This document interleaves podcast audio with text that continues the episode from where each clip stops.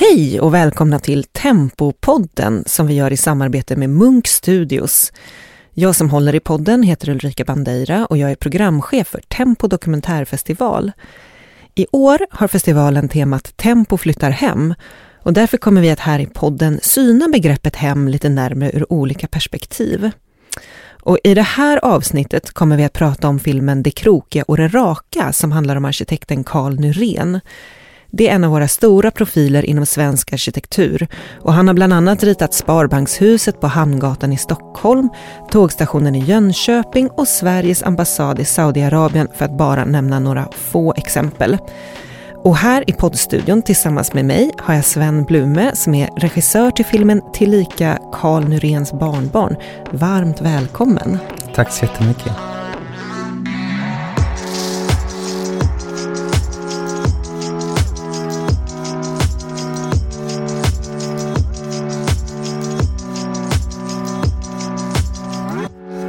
Eh, jag tänker en byggnad eh, som har mycket plats i filmen är ju din mormor och morfars hem.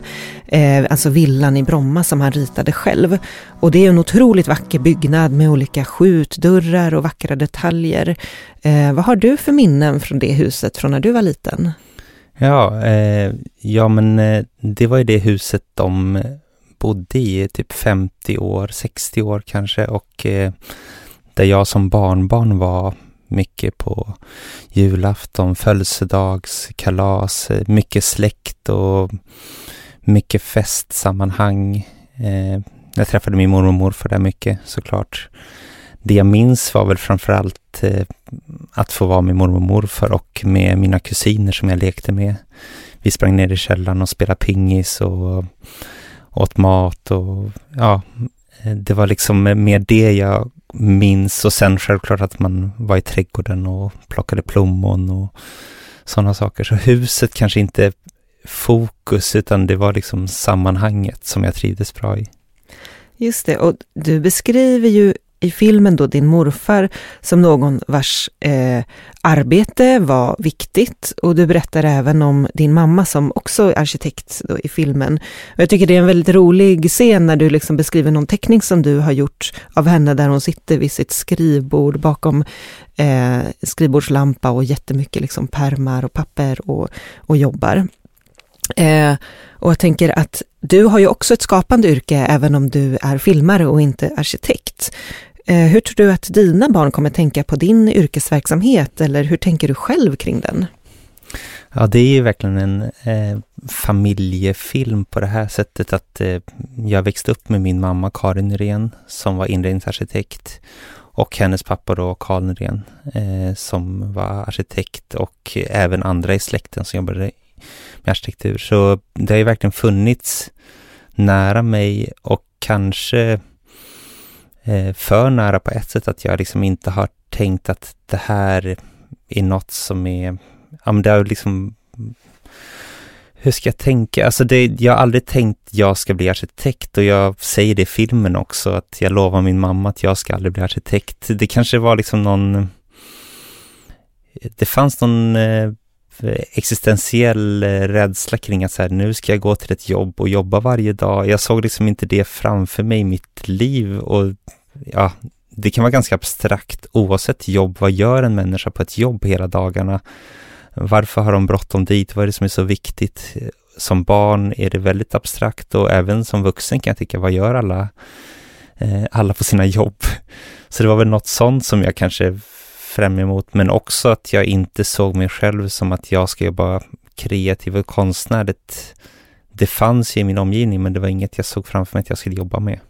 När ändrades det?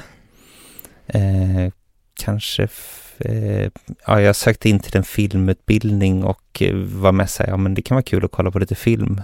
Så det var liksom eh, 24 års ålder, 23, någonstans där kanske, som jag började med att tänka, att film skulle kunna vara kul att kolla på, alltså på det sättet. Så, och efter det så började jag testa att göra film och ja. Just det, jag tänker det finns ändå likheter mellan arkitektur och film, att båda är liksom stora kollektiva processer och att det handlar om att liksom på något sätt så här gestalta människors livsmiljö kan man säga.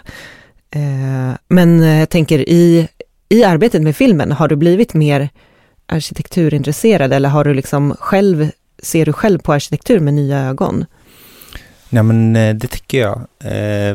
Jag hade liksom inte riktigt förstått eh, vem Karl Nyrén var som yrkesmänniska när jag började göra filmen och det var väl det som intresserade mig också att jag själv var ganska nyexad från filmutbildning, höll på med min första långfilm och i samband med det hade de nyligen gått bort, både mormor och morfar. Eh, så det fanns liksom, det började öppnas upp eh, lite tankar hos mig. Så här, vem var han och hur förhöll han sig till sitt yrke som han älskade och vad var det som han gjorde? Eh, jag hade liksom inte greppat det riktigt.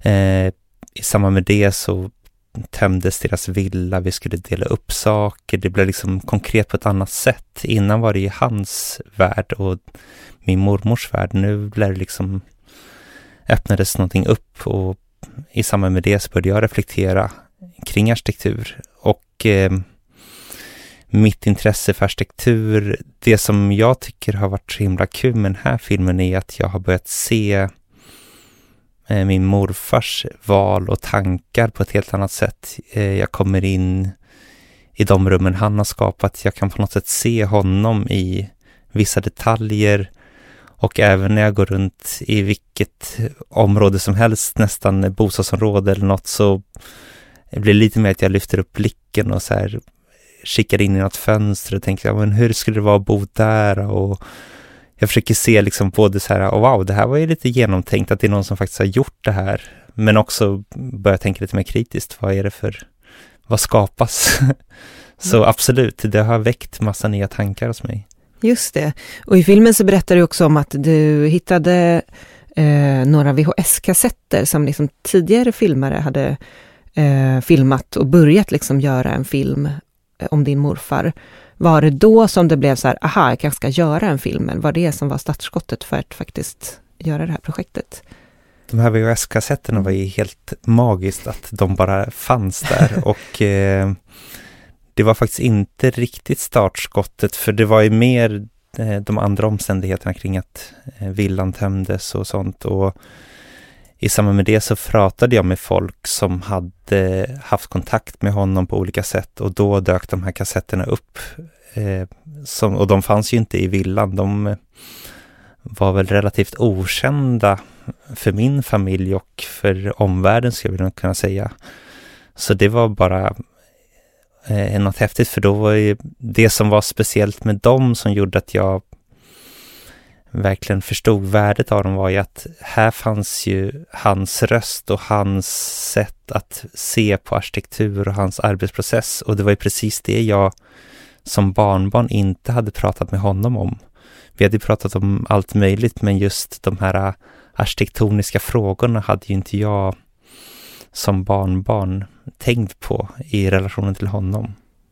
Nej, jag förstår det. Jag tycker det är roligt också i filmen att det känns som du beskriver din morfar som en kul typ, alltså någon som inte lät en vinna i spel, men också någon som kanske inte eh, hjälpte en upp om man hade ramlat i skidspåret, det är i och för sig din mammas citat, och någon som liksom skär ut mittenbiten på tårtan för att spexa sig.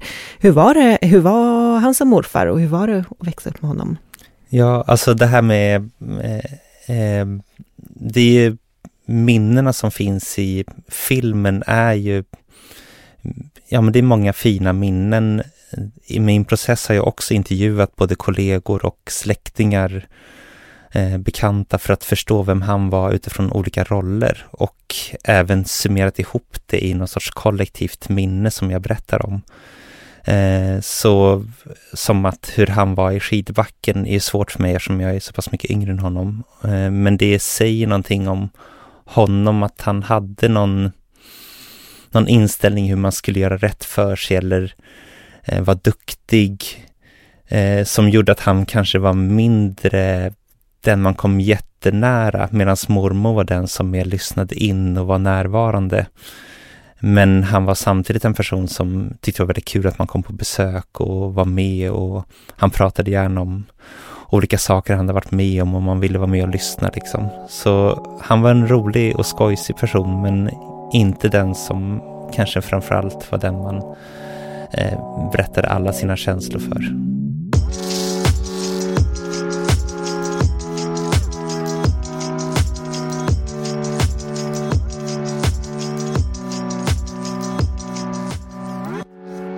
Jag tycker det är väldigt fint att den här filmen är tillägnad både din mormor och din morfar. Eh, och när jag såg filmen så tänkte jag väldigt mycket på hur din eh, mormor då ger upp sin karriär som sjuksköterska för att ta hand om barnen och hur det var först liksom långt senare i livet som hon eh, blev yrkesarbetande igen. Och så tänkte jag också på det här med att, så här, att kombinera liksom ett så intensivt liksom skapande yrkesliv med att ha en familj. Det känns som att det liksom bara funkar om man då har någon annan som sköter markservicen och att det kanske är ett konstnärs eller ett mansideal kanske som lite har gått ur tiden. Jag vet inte, hur tänker du om det? Eh, I filmen så, och eh, så som jag upplevde att det var, så var det väldigt mycket att mormor tog hand om typ allt. Och eh, morfar gjorde en, en stor karriär som arkitekt. Eh, så eh, går man bakåt i tiden så är det ganska lätt att se de här könsskillnaderna, eh, maktstrukturer och ojämlikheter. Eh, jag har svårt att se, se, att det har försvunnit helt och sen eh, ser det lite olika ut på vissa sätt. Men det kan vara lättare att se ojämlikheter om man backar i tiden. Men eh, det finns väldigt mycket maktstrukturer kvar i samhället. Det eh, känner jag mig ganska säker på att säga. Ja, så är det ju. Ja. Men just det här med att man, jag tycker att det blir så att du lyfter fram det väldigt tydligt, att hur den liksom möjligheten att ha det här intensiva skapande karriären där man liksom helt kan bara sjunka in i sitt, eh, i sitt skapande samtidigt som man ändå har många barn och sådär, att det är Eh, det möjliggörs bara om det finns någon annan som då kan ta hand om eh, familjen. Ja, men eh, det kan nog finnas en hel del sanningar i det. Eh, det är ju svårt att eh, bara släppa hela barnsituationen. Alltså det går ju inte. Någon måste ju vara där och fånga upp det. och det som har förändrats från då och nu är väl att vi i alla fall pratar om det och att det finns en medvetenhet till viss del. Eh, men eh, ja, han var verkligen en, en person av sin tid. Eh, och jag nämnde ju, eh, nu i introduktionen till det här så nämnde jag ju några av de byggnader som han har ritat och det finns ju otroligt många fler. Eh, men jag tänkte, jag skulle bara, jag ville nämna ett citat från filmen som är med och där säger, det är eh, då arkitekten Le, Corbusier som säger att om man bara ska se tre vackra kyrkor i Europa så ska man se Notre Dame i Paris, Peterskyrkan i Rom och då Västerortskyrkan i Vällingby som är ritad av just Carl Norén. Eh, och där ska vi ju faktiskt visa eh, det krokiga och det raka eh, nu under tempo. Och så skulle jag vilja höra lite vad det betyder för dig att faktiskt kunna visa filmen i de byggnader som han har ritat. Ja, eh, alltså det ska ju bli superkul. Det är liksom en dröm att få visa filmen i Västerortskyrkan eller i byggnader som han har ritat som jag varit i. Och det är lite grann för att jag har fått uppleva dem och fått uppleva rummen, vilket jag har velat göra en film där publiken ska kunna uppleva rummen och byggnaderna. Och det tror jag att man kommer göra väldigt varmt och fint i den här filmen. Men att göra det utöver det att få uppleva rummet på plats ser jag som en, eh, en extra nivå av upplevelse. Att få se eh, hans rum och uppleva dem och få vara i dem. Eh, med filmen, att man har med sig den också. Så det kommer bli en stor och fin känsla tror jag. Jag har försökt göra filmen på ett tillgängligt sätt. Att jag har tänkt att det är barnbarnets perspektiv, att det finns en lekfullhet och en öppenhet för att just tillgängliggöra. Och jag hoppas att folk när de har sett filmen kanske ser rum på ett annat sätt och kanske vill besöka något av husen de har sett på filmen. Så det här är liksom en liten eh, dörröppnare för det här. Men jag tänker att det är väldigt, precis som du beskrev eh, i början av vårt samtal, det här med att här, börja få syn på saker eller så där lyfta blicken och tänka vem bor i husen och sådär. att det tycker jag också kommer fram eh, mycket i filmen när man pratar om olika detaljer som man kanske som lekperson då inte tänker på. Så titta på en specifik lampa, vad har den för funktion? Ska det vara lätt eller svårt att byta glödlampan? Eller eh, rikta blicken ner och titta på golvet som man har liksom någon tanke med. Och det tänker jag också kommer vara speciellt att eh, den här liksom, rumsligheten som ändå kommer fram i filmen, att få sitta då i samma, samma rum där kanske exakt den här lampan hänger och få höra lite mer om det. Ett annat liksom, citat eller, eh, från filmen som jag tyckte var, som jag tänkte lite på, som jag tyckte var spännande och ville höra, diskutera med dig, det är att han, eh, det är något intervjuklipp, något äldre klipp, så säger Karl då apropå arkitekturs relation till naturen, att han tänker att städer kan vara en lika stor naturupplevelse som naturen självt. Och för mig låter det här så himla paradoxalt, eller jag förstår inte ens hur då, tänker jag. Eh, vad tänker du om det? Alltså jag, jag älskar att han säger det, för att det är eh, det är liksom arkitektens, den extremt intresserade Eh, arkitekten som eh, verkligen njuter av att gå runt i städer och nya platser. Han älskade att resa, han älskade att se arkitektur. Så för honom var det liksom en lycka. Han älskade också att få vara i naturen som finns i filmen också. Eh, så den konstruerade naturen, alltså staden, jag tror att han han ser stor lycka i att få uppleva det. Som att man kan få uppleva i en naturupplevelse. Och sen är det väl också, natur är ju väldigt påverkad av människan idag.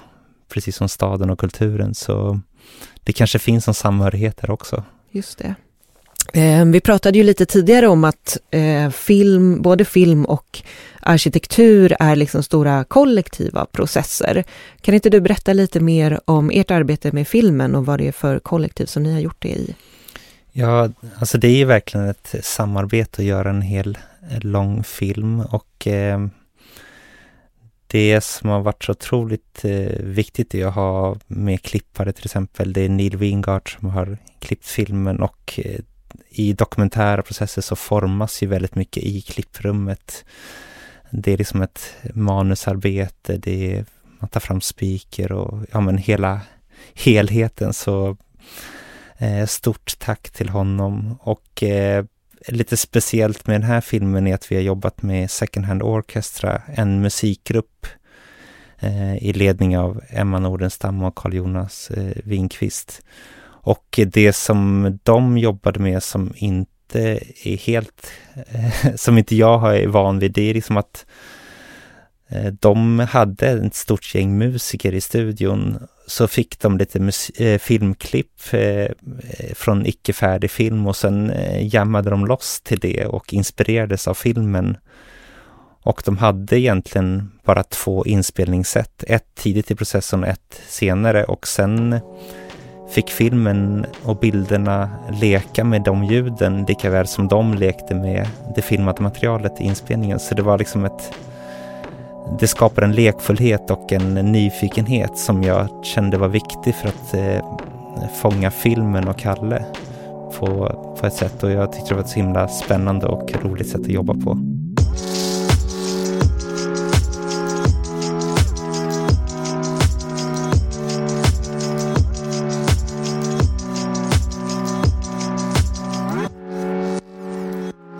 Okej, det har blivit dags att runda av och jag vill säga tack så mycket till dig Sven Blume som kom hit. Tack också till vår samarbetspart Munk Studios. Ni kan hitta hela Tempos program på tempofestival.se och så hoppas jag att vi ses i det digitala dokumentärvimlet. Hej då!